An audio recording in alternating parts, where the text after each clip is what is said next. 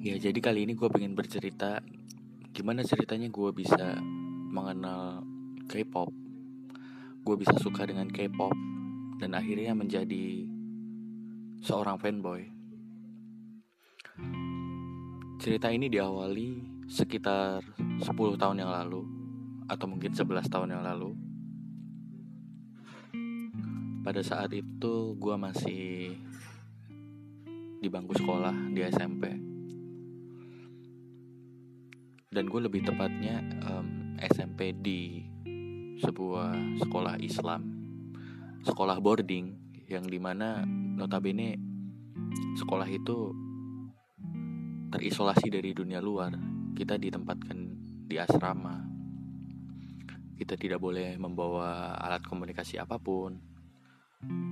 Ya pada intinya sangat susah untuk mengakses berita atau info-info dari dunia luar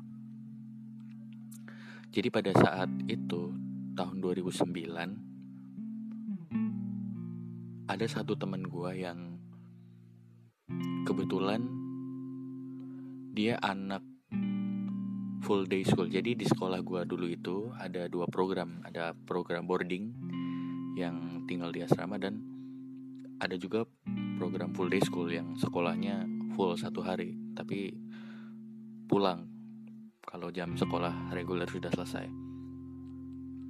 Jadi dia satu orang teman gue ini punya handphone waktu itu baru pertama kali ngetren HP Android, smartphone Android. Dan dia adalah salah satunya, dia satu-satunya orang yang punya HP Android di circle kita atau mungkin di satu sekolah itu, satu angkatan gue. Dan di situ gue kebetulan mengamati apa yang dia lihat gitu. Pada saat itu dia gue masih ingat banget dia koleksi video-video atau musik videonya grup-grup boy band Korea atau girl band Korea. Saat itu gue inget banget videonya itu ada yang dari TVXQ, Monster X, Super Junior, 21, sama SNSD ya. Pada waktu itu gue belum enggak betul K-pop tuh apa gitu dan waktu itu kita iseng lihat video-video yang dia bawa gitu di asrama which is itu ilegal gitu yang melanggar aturan gitu. Tapi kita diem-diem ngumpul gue sama beberapa teman gue nontonin itu video dan dan di situlah gue merasa ini keren juga gitu kayak ada dance dance di videonya itu bagus gitu di musik videonya itu bagus saat itu dibandingkan dengan musik-musik Indonesia video klip K-pop zaman dulu ya walaupun kalau dibandingkan dengan zaman sekarang itu sudah jauh jauh sekali kuno tapi pada saat itu keren banget ngelihatnya gue inget banget yang gue lihat itu MV-nya Super Junior yang Sorry Sorry Bonamana sama Mr. Simple udah tiga itu aja pokoknya yang paling gue terkesan gitu. Sama SNSD waktu itu masih zamannya G ya. Video klip G waktu itu baru booming boomingnya dan gue nonton tuh gue nonton videonya itu dan sejak gue nonton kok jadi terngiang-ngiang gitu. Terngiang-ngiang di kepala tentang atau liriknya tuh nyantol gitu di pikiran yang sorry sorry terus ji ji ji ji baby baby baby itu itu keputar terus di otak. Nah mulai dari situlah jiwa-jiwa eksploratif gue keluar. Gue waktu itu setiap hari Sabtu dan Minggu karena tidak sekolah ya gue pergi ke warnet yang di mana itu ilegal juga tidak boleh gitu tapi gue waktu itu nekat pergi ke warnet untuk ya main Facebook. Dulu zamannya main Facebook. Belum ada Twitter belum ada Instagram. YouTube pun belum belum se menyenangkan sekarang gitu yang kita bisa lihat apa aja. Dulu paling cuman terbatas gitu. Nah tapi di situ gue mulai mengeksplor lagu-lagu K-pop lagu-lagu Korea dan di situlah gue merasa pada saat itu gue langsung merasa wah ini nih keren gitu. Melihat koreografi boy band dan girl band ya walaupun jujur secara psikologis gue lebih tertarik ke girl band gitu karena karena gue cowok jadi mungkin akan terlihat berbeda jika melihat girl group gitu pada saat itu pula gue langsung ngopi-ngopi lagunya iya. Dulu punya flash disk 4 giga atau bahkan malah 2 giga kalau nggak salah. Gue kopi-kopi musik K-pop gue kopi ke flash disk dari warnet. Dan gue putar setiap hari di asrama menggunakan speaker box gitu. Jadi kalau speaker box dulu masih kayak ditolerir gitu masih boleh gitu asalkan musiknya yang musik bagus nah tapi kan kita kita bikin folder-folder yang di mana di situ tetap ada musik-musik yang religi, musik-musik yang islami lah, tapi ada juga folder yang K-pop gitu, banyak gitu. Sejak semenjak itu sudah mulai hafal lagu-lagunya, sudah tahu um, culture-nya, lalu naik kelas. Waktu itu gue dibelikan HP pada saat itu SMP kelas 3 gue dibelikan HP dan akhirnya bisa akses dengan lebih mudah gitu untuk lihat mengakses video-video K-pop. Dan di situ gue langsung mentasbihkan bahwa gue adalah seorang sowan gitu ya. Atau dulu belum tahu karena belum tahu pelafalannya dulu bilangnya Sone gitu. Eh gue Sone nih gue Sone gitu. Lu apa lu elf gue Sone gitu yang yang masih sepolos itu gitu dan tapi itu beneran menyenangkan gitu kayak self proclaim bahwa gue tuh seorang K-popers gitu. Gue gue udah sah menjadi sowan karena gue udah bisa menghafalkan nama-nama membernya. Waktu itu masih sembilan orang membernya. Gue sudah bisa hafal lagu-lagunya waktu itu G. Terus ada Kissing You ada Into the New World Paparazzi Mister Mister. Pokoknya keluaran-keluaran 2010-an itu bisa dibilang gue hafal sama semua lagunya gitu. Nah mulai dari saat itu SMP itu gue mentasbihkan diri gue sebagai seorang K-popers gitu. Barulah nanti pada saat gue SMA gue sudah mulai mengeksplor tentang hal-hal lainnya yang bersinggungan dengan Korea gitu kayak mungkin drama Korea terus sudah mulai kepo juga tentang um, negara Korea itu sendiri gitu tentang makanannya tentang fashionnya. Gue sudah mulai mengeksplorasi semuanya gitu.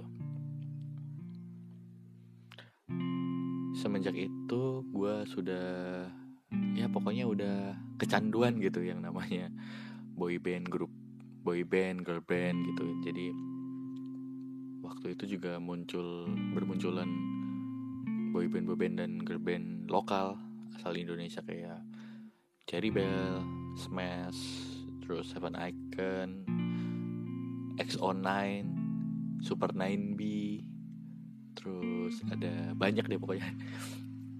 Gue pastikan gue saat itu tahu banyak tentang grup grup grup girl band atau boy band Indonesia yang baru gitu. Dan pada saat itu juga gue juga mulai menyukai Cherry Bell gitu karena konsepnya mirip dengan SNSD ya 9 orang. Terus lagunya juga bagus dengan MV-nya yang tidak bisa bikin mata kedip gitu.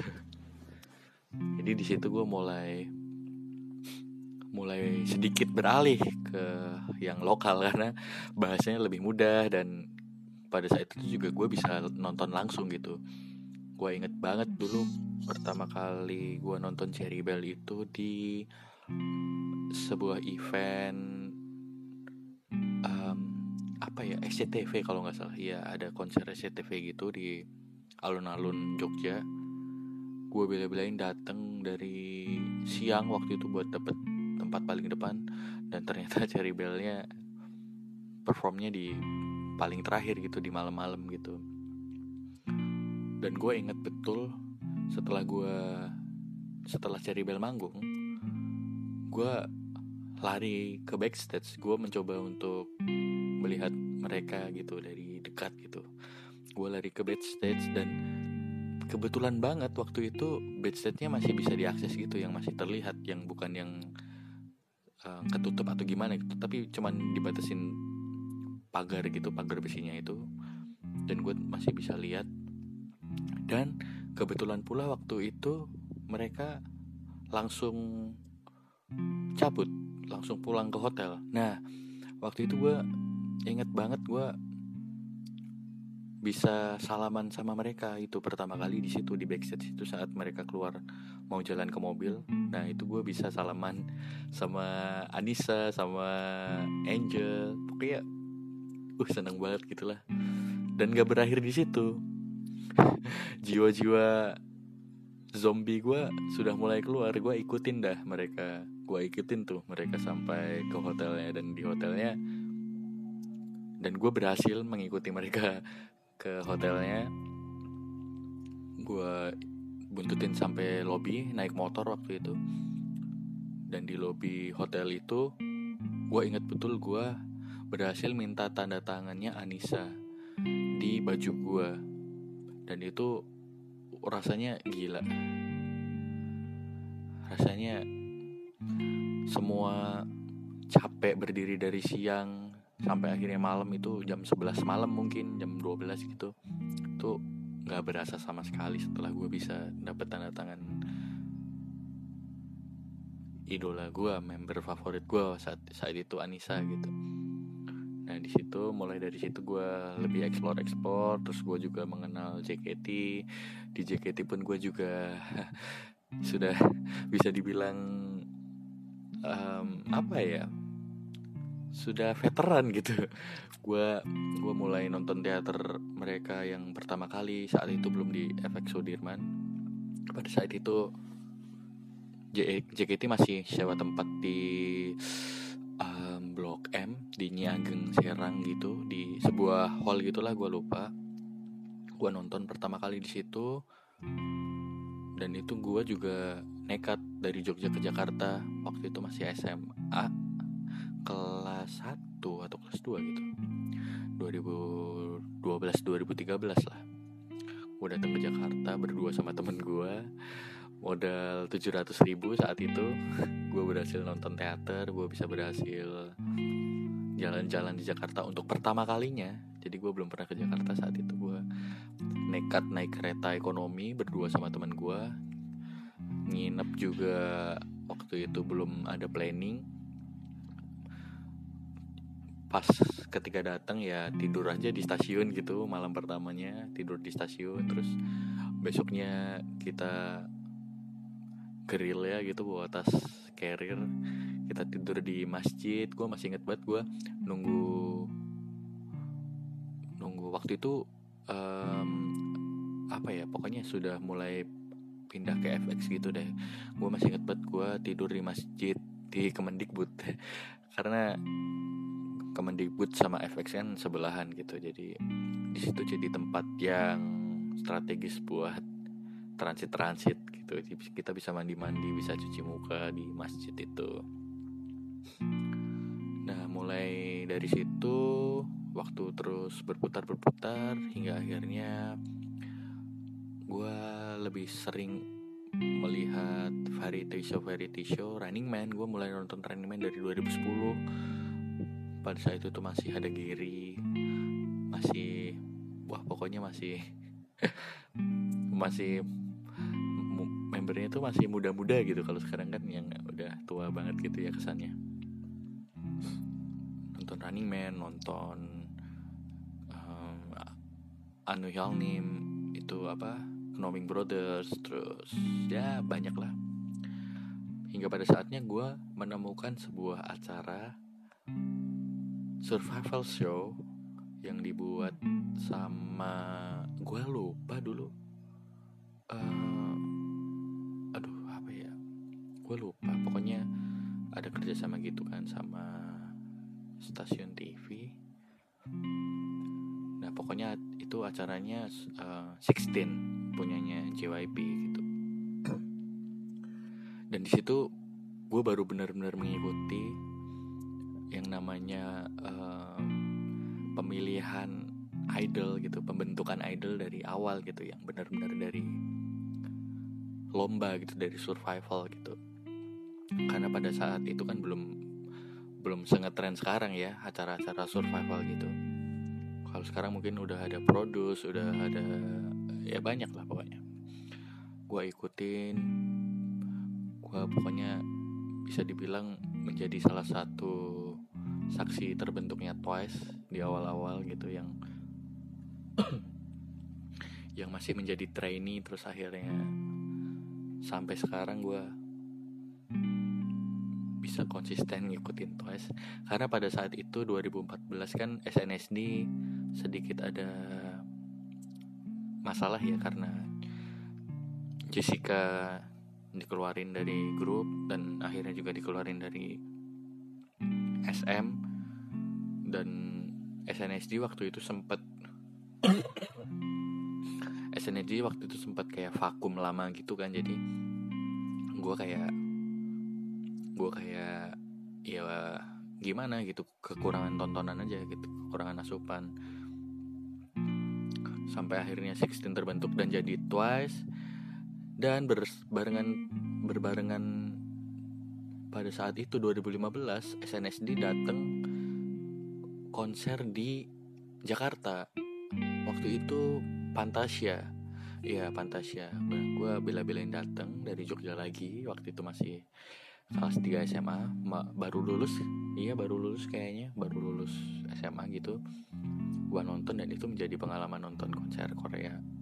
Konser K-pop pertama gue dan di situ gue yang bener-bener malam yang sangat spesial buat gue karena gue bisa nonton akhirnya setelah bertahun-tahun gue bisa nonton idola gue yang sudah gue kagumi dari dulu gitu dari semenjak gue SMP akhirnya gue bisa nonton langsung gue bisa dengerin suaranya Taeyeon.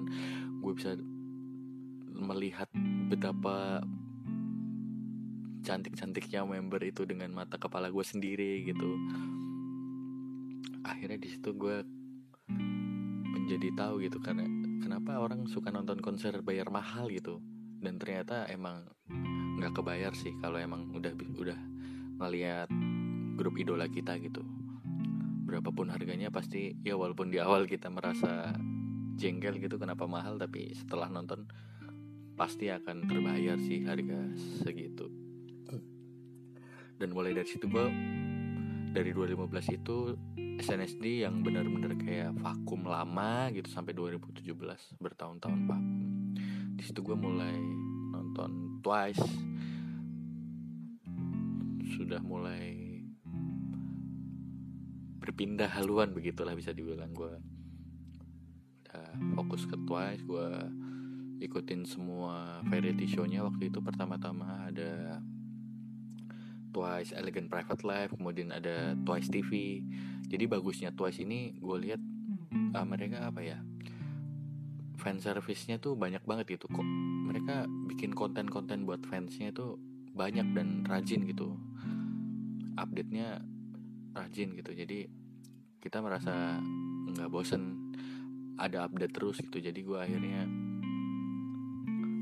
makin lama makin suka sama Twice gitu. Dan akhirnya puncaknya di tahun 2017 mereka punya mereka bikin first tour. Mereka bikin tour Twice Land dan gue nonton saat itu gue udah kuliah ya 2017 gue udah kuliah. Gue nonton konser mereka tour mereka di Singapura. Gue inget banget waktu itu. Di gedung uh, aduh gue lupa namanya. Pokoknya di hall teater gitu di dekatnya Singapura Indoor Stadium. Ya pokoknya itulah. Di situ gue mulai semakin cinta semakin intim. Gue suka sama Twice dan 2018 nonton konser mereka lagi. Akhirnya datang ke Jakarta. Terus 2019 nggak datang ke Jakarta tapi gue tetap nonton yang di Singapura lagi karena yang paling deket Singapura. Dan udah pernah juga jadi udah udah bisa gitu untuk nonton konser sendiri. Dan by the way gue nonton konser K-pop semuanya itu benar-benar sendirian gue nggak punya teman. Karena Iya mungkin waktu itu orang masih nganggap ngapain keluar duit segitu cuman buat nonton? Gitu. Dan orang dengan dengan apa ya mungkin dengan sedikit nada yang miring gitu yang mereka ngapain lu nonton begitu lu? Maniak lu yang berlebihan lu kayak nggak nggak nggak sefreak itu gue gitu gitu ya pokoknya mereka bikin penyangkalan penyangkalan gitu. Jadilah gue solo fighter di setiap konser K-pop yang gue tonton. Dan akhirnya sampai sekarang gue masih suka Twice dan gue harap gue akan selalu suka Twice karena Twice bener-bener apa ya? Yang bener bisa membuat gue senang bahagia ngeliatnya gitu.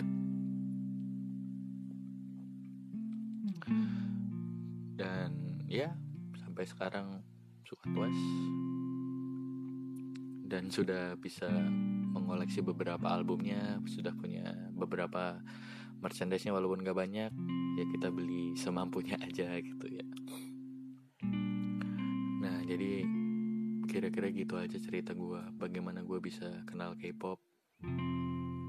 Gimana gue bisa ya mungkin banyak yang bilang gue semaniak itu atau sedewa itu tapi enggak ternyata di atas langit masih ada langit bro. Yang menurut kita kita udah maksimal tuh selalu ada yang lebih selalu ada yang lebih di atas kita gitu. Jadi ya nggak usah. Daripada ngebanding bandingin mending kita enjoy the things gitu. Enjoy the moment bareng bareng aja gitu. Daripada harus menyusahkan pikiran kita. Ya tadi cerita sedikit cerita gue nanti mungkin kalau gue ada cerita cerita yang ingin gue sampaikan lagi mungkin nanti akan gue ceritakan. Karena pada dasarnya gue juga nggak punya temen yang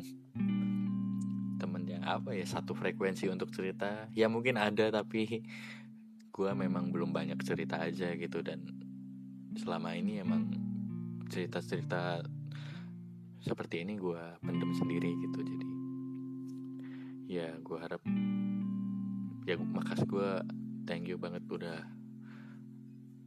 mau dengerin cerita gue yang basi ini. Ya pokoknya begitulah udah segitu aja. Makasih. Sampai jumpa di cerita-cerita gue selanjutnya. Bye bye